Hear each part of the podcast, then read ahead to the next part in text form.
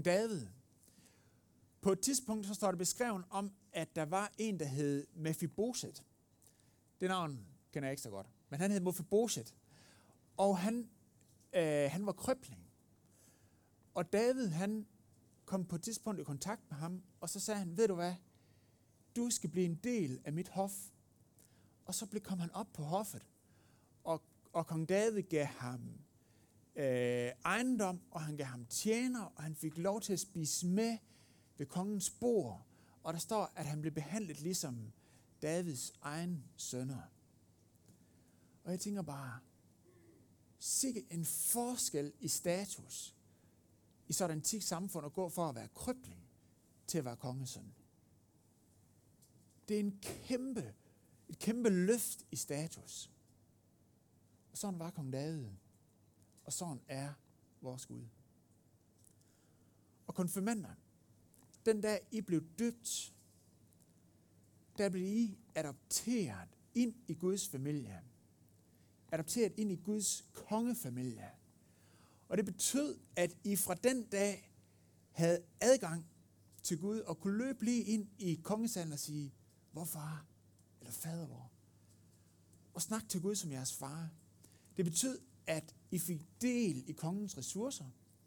Og det betød, at de sejre, som kongen har vundet, også skal for jer. Så det Jesus har vundet for jer, blev en del af jeres beskyttelse.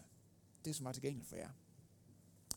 Og hvis vi nu forestiller os et barn vokse op i sådan en, øh, på sådan et kongeslot, med en rigtig dejlig park med en mur rundt om, og det var godt at være der.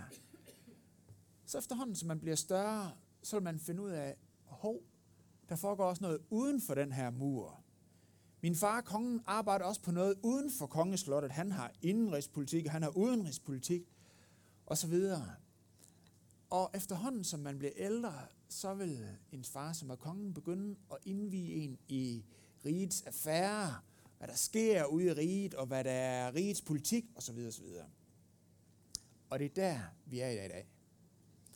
I dag tager vi et kig ud over havemuren. Og temaet er voksenliv med formål, og prædiketeksten er fra Lukas evangeliet kapitel 10. Kommer her.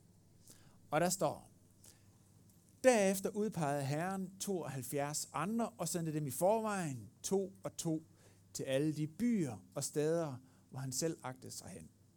Han sagde til dem, Høsten er stor, men arbejderne få. Bed derfor høstens herre om at sende arbejdere ud til sin høst. Gå.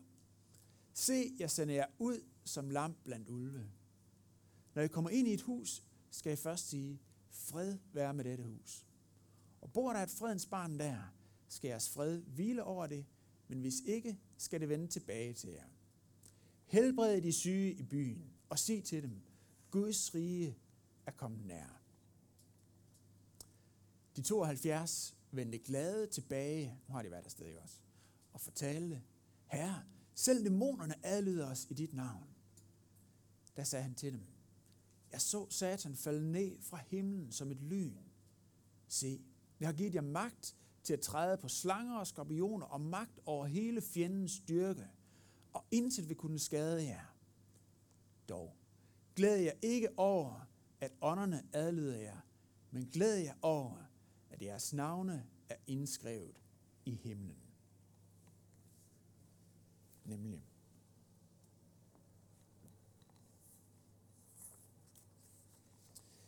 I Lukas evangeliet kapitel 1-8, der handler Lukas evangeliet meget om, hvem er Jesus?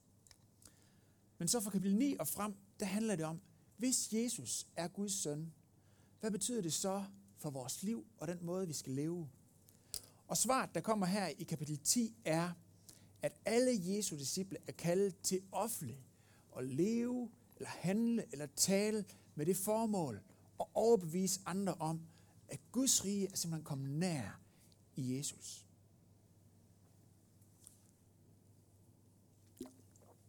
Det er nok et af de mest udfordrende standpunkter i dansk samfund. Og jeg tror, mange vil sige, at det overhovedet en legitim dagsorden at have, og vil overbevise andre. Er det legitimt at have det som formål? Skal vi gøre det? Hvordan skal vi gøre det? Hvornår og hvorfor? Det vil jeg prøve at pakke op under overskrifterne. Vi har en mission, vi har en meddelelse, og vi har en motivation. Mission, meddelelse, motivation. De starter alle tre med M, så kan jeg nemlig bedre selv finde rundt i det. Vi starter med mission. I øh, vers 1, 2 og 3 for den tekst, vi læste, der står der om, at Jesus sender dem ud. Hvis nu jeg havde læst det op på latin, så ville der stået missio. Det betyder sende på latin, og det er derfor, vi har det her ord mission. Så der er altså nogen, der er på en mission. Men hvem, hvem er på en mission? I kapitlet før, i kapitel 9, der står der, at Jesus havde sendt sine 12 disciple ud, for at de skulle prædike, for at de skulle kaste dæmoner ud, og for at de skulle helbrede. Prædike handler om at overbevise om sandheden. Kaste dæmoner ud handler om at helbrede og befri folks sjæl fra hvad end der holder den fanget. Og helbrede handler om praktisk, konkret fysisk genoprettelse af kroppe og fællesskaber. Hvis kun vi havde haft kapitel 9, hvor disciplene blev sendt ud, så ville man med en vis rigtighed kunne konkludere, det her, det er for pros. Det er for dem, der bliver betalt for det. Det er for missionærer, det er for præster, det er for dem, der går i kloster, eller måske dem, der har en speciel interesse. Men så kommer kapitel 10, hvor der står, at han sender 72 ud. Hvad er pointen med det?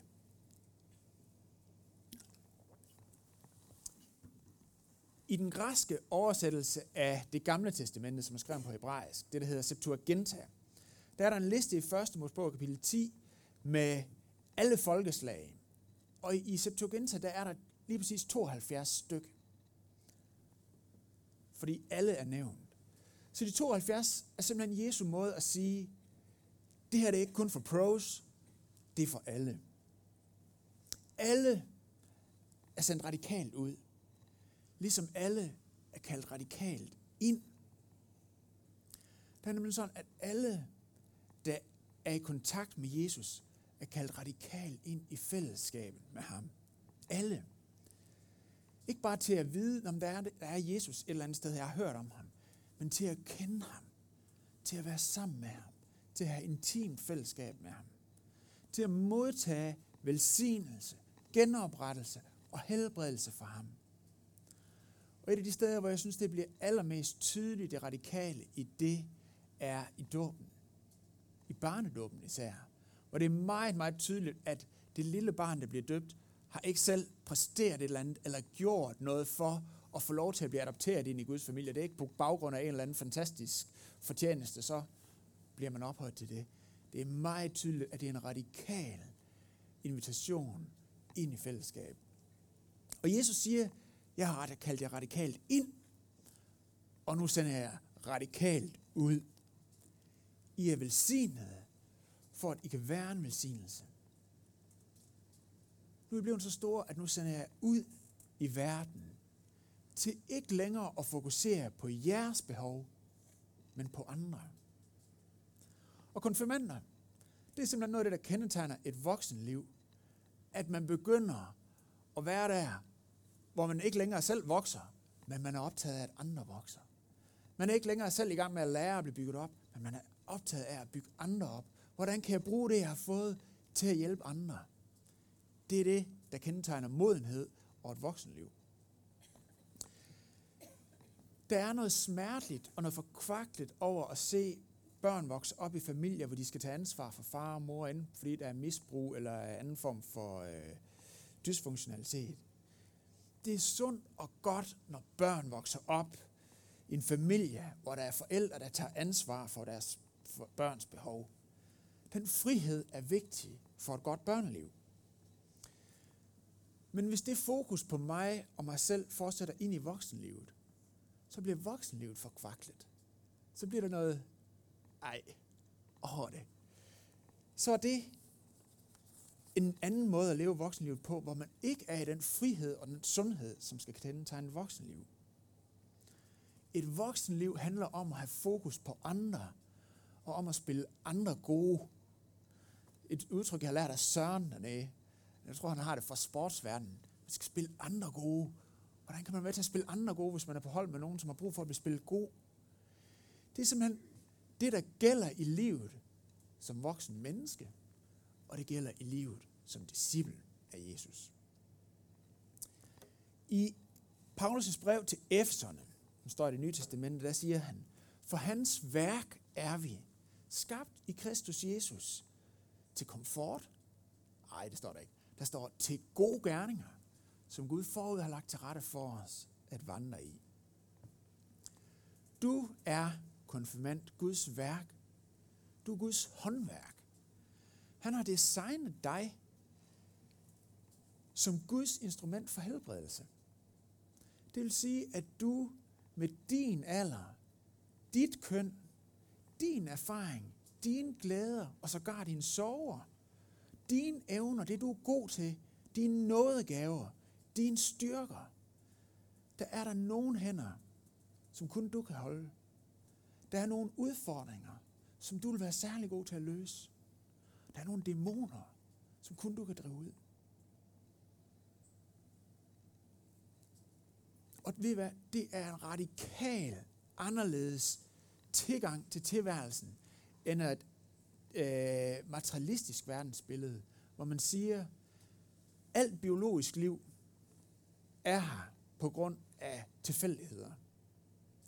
Du er tilfældigvis havnet i øh, den tilværelse, du er i dag på grund af evolution. Du er blevet den, du er, og øh, den familie, og det sted, og det er tilfældigvis.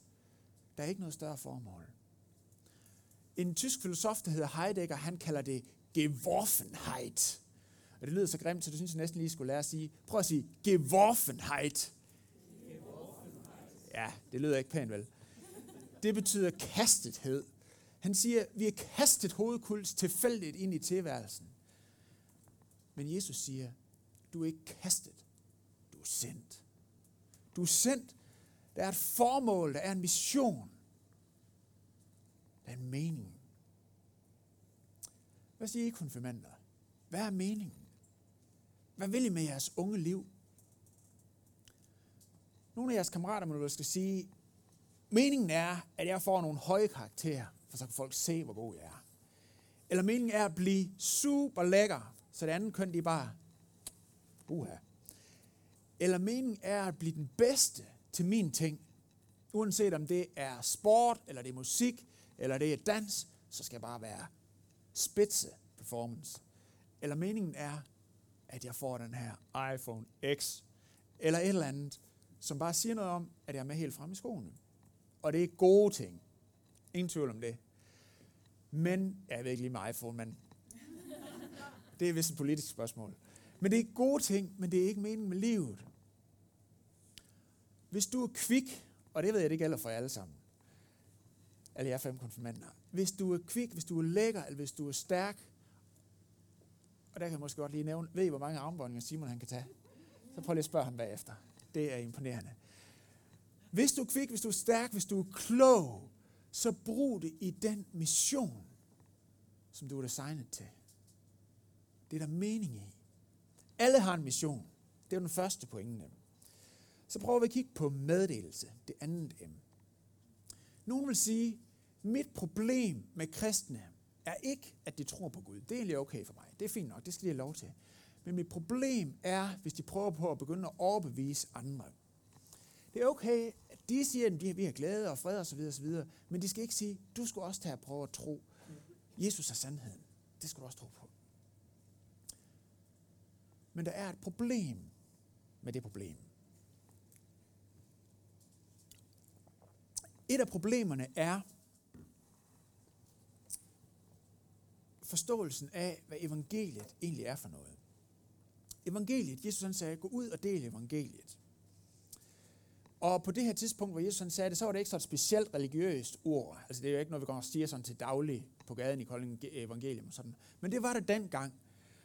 Og øh, evangelium betyder, det græsk og betyder gode nyheder. Og det beskriver nyheden om en objektiv, virkelighedsforandrende begivenhed, som ændrer alle situationer, og som alle må forholde sig til og respondere på. For eksempel så hedder det i en tekst for den her tid, dette er begyndelsen på evangeliet om kejser Augustus. Det står i et skrift, som vi har i dag. Det er der begyndelsen på evangeliet om kejser Augustus. Nemlig det skrift, som øh, siger, at nu er kejser Augustus bestedt tronen. Og så tog der sådan nogle heroller rundt i Romeriet og råbte på tårne i alle store byer. Det der er begyndelsen på om øh, kejser Augustus, det var datidens medier. Nyheden om en virkelighedsforandrende begivenhed, der påvirker alle. Og ingen i Romeriet vil på det der tidspunkt kunne sige, Nå ja, kejser Augustus han er måske din kejser, men han er ikke min. Hvis man boede i Romeriet, så galt det alle, og det var en nyhed, og det var derfor folk de gerne ville høre det. Et endnu mere kendt eksempel er måske fra slaget på Marathon. Evangeliet om Marathon. Der fandt sted i år 490 før Kristus.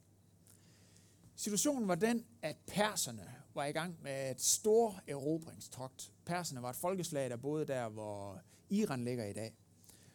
Og de var så kommet for at invadere Grækenland.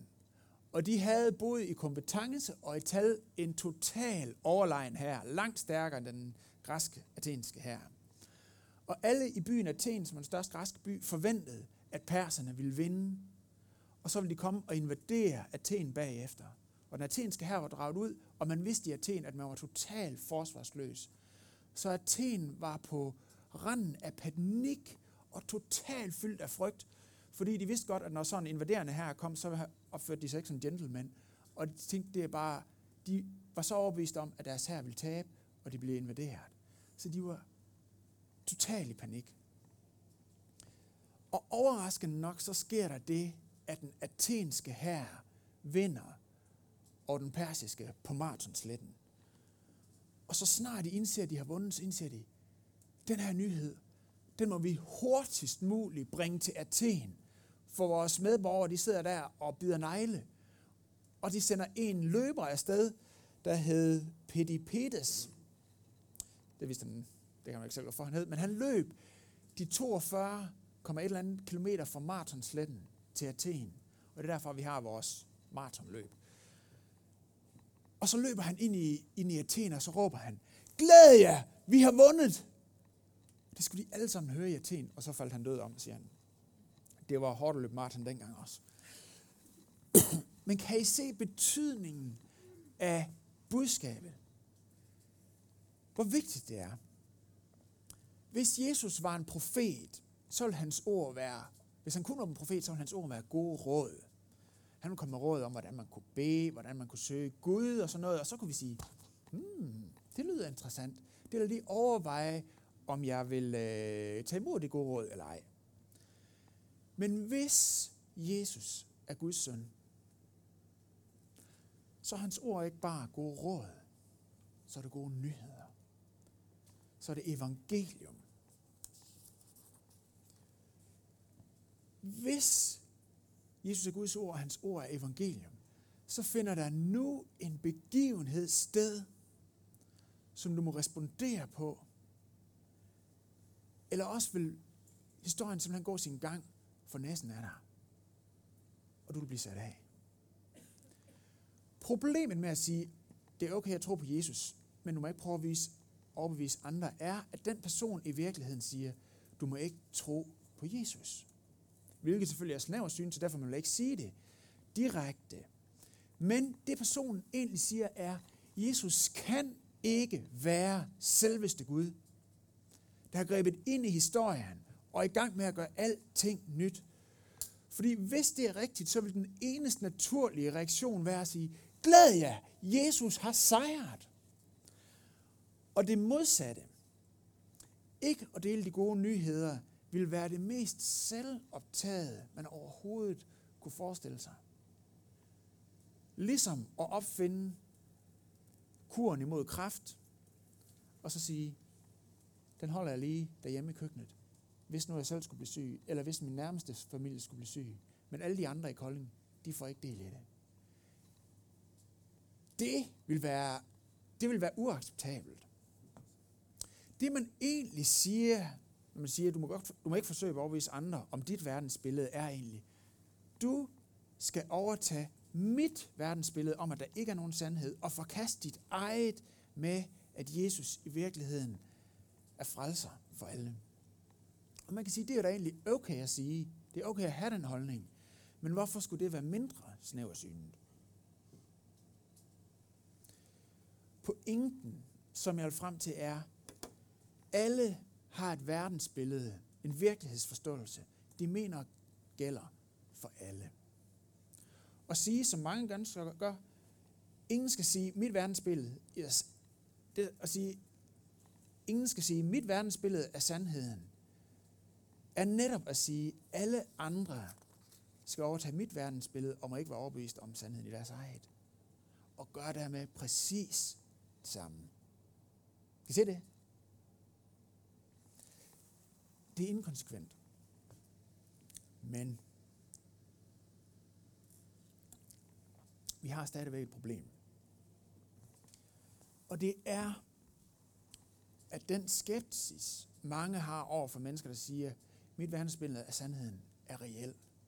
Den skepsis er reel. Nogle har så set det på YouTube med folk i Mellemøsten, der skærer hovedet af andre, der siger, ud med udgangspunkt, siger, at vi har det, det sande verdensbillede, det skal alle forholde sig til. Og det kristne budskab kan også misbruges på den måde. Men Jesus er meget mere nuanceret, meget mere vis og meget mere intelligent end det. Han siger, lad os se på motivationen. Hvad er motivationen? Og der kommer vi til det sidste M, motivationen. Og det stykke, vi læste, der stod der, de 72 vendte glade tilbage og fortalte, Herre, selv dæmonerne adlyder os. De siger altså disciplene, Jesus, det går fantastisk godt for os. Og der sagde han til dem, jeg så Satan falde ned fra himlen som et lyn. Se, jeg har givet jer magt til at træde på slanger og skorpioner og magt over hele fjendens styrke. Intet vil kunne skade jer. Altså Jesus siger, det havde jeg faktisk også regnet med. Jeg står jo bag ved jer. Det skal ikke komme bag på jer, at der sker det her. Og så siger Jesus, dog glæder jeg ikke over, at ånderne adlyder jer, men glæder jeg over, at jeres navne er indskrevet i himlen. Det er Jesus, han siger. Pas på med jeres motivation. Pas på med jeres motiver. Hvad er problemet egentlig her? Er, det, øh, er der noget forkert i at være glad over sine gode resultater? Nej, det er der ikke. Men det disciplene de ikke siger, det er, wow, Jesus, folk er blevet sat fri, folk er blevet hjulpet, familie fungerer igen, og samfund fungerer igen. Wow, Jesus. Nej, de siger, selv dæmonerne adlyder os. Vi er virkelig blevet til noget, Jesus.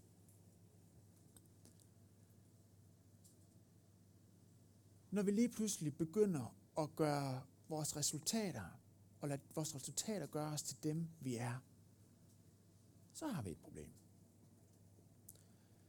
Når folk ser mennesker med en mit verdensbillede af sandheden tilgang, behandle andre mennesker som trofæer, i stedet for medmennesker, så er der grund til at være skeptisk. Så skal man være skeptisk. Det er der grund til at være. I kapitlet lige før prædiketeksten til i dag, der har Jesus og disciplene været i en landsby, hvor de blev afvist, og to af disciplene, dem der hedder Jakob og Johannes, de foreslår Jesus, Jesus, de har afvist os, skal vi ikke lade ild og svovl og regne ned fra himlen og udslette den der landsby? Og Jesus siger, nej, det skal vi ikke. Det er en dårlig idé. Problemet er, at hvis vores resultater er vores motivation, så vil en afvisning blive taget personligt. Og vi vil enten blive aggressive, ligesom de her disciple, eller vi vil blive slået fuldstændig ud, eller reagere på en eller anden måde. Og Jesus, han ser den her dynamik i hans egen discipleflok, og så siger han, venner, det her det er ikke en sund motivation. Jeg vil gerne vise jer en langt bedre og langt mere robust vej. Glæd jer over, at jeres navne er indskrevet i himlen. Glæd jer over det. Lad det være jeres glæde. Hvis vi siger, jeg er noget, fordi jeg har simpelthen scoret den flotteste kæreste. Det var mig, der rendte med hende. Eller jeg er noget, fordi jeg har vundet flest pokaler i øh, håndbold i øh, Syddanmark. Eller jeg er noget, fordi jeg kan tjene flest penge, og jeg har fået råd til det og det og det. Jeg se, hvor godt jeg er. det går mig, hvor god jeg er blevet, eller jeg er blevet noget, fordi jeg har, det kan man se på, jeg har det smukkeste hjem, eller jeg er noget, fordi at det er gået så godt i min mission. Se alle dem, jeg har hjulpet. Se alle dem, der lytter til mig. Hvis det er det, der gør os noget, så er vores glæde meget, meget skrøbelig. Ikke fordi det er dårlige ting, det er gode ting. Men kæresten kan slå op. Jeg kan blive fyret fra mit job, jeg kan miste alle mine penge. Og jeg kan få en vej i knæskade, så jeg ikke kan løbe længere. Kære konfirmander, hvis I vil leve et liv i en glæde, som er robust, uanset hvad. En glæde, som kan holde til succes, uden at det kommer til at køre med jer, og I bliver hårdmodige og selvfede. Og en glæde, som kan holde til nederlag, uden at de kommer til at følge jer mislykket. Så glæd jer over, at jeres navne er indskrevet i himlen. Hvad betyder det? Det betyder, at vi kan bruge hele livet på at banke på døre og kæmpe for at lykkes. Men døren ind til det, vi dybest set længes efter, til Guds rige, er blevet åbnet for dig. Du er blevet adopteret. Du er blevet adopteret ind i kongefamilien. Lev dit liv med Jesus, så vil din glæde være robust, så vil din motivation være sund, og så vil du være klar til at leve et voksenliv med formål. Og Gud vil sige jer. Lad os rejse os op og bede sammen.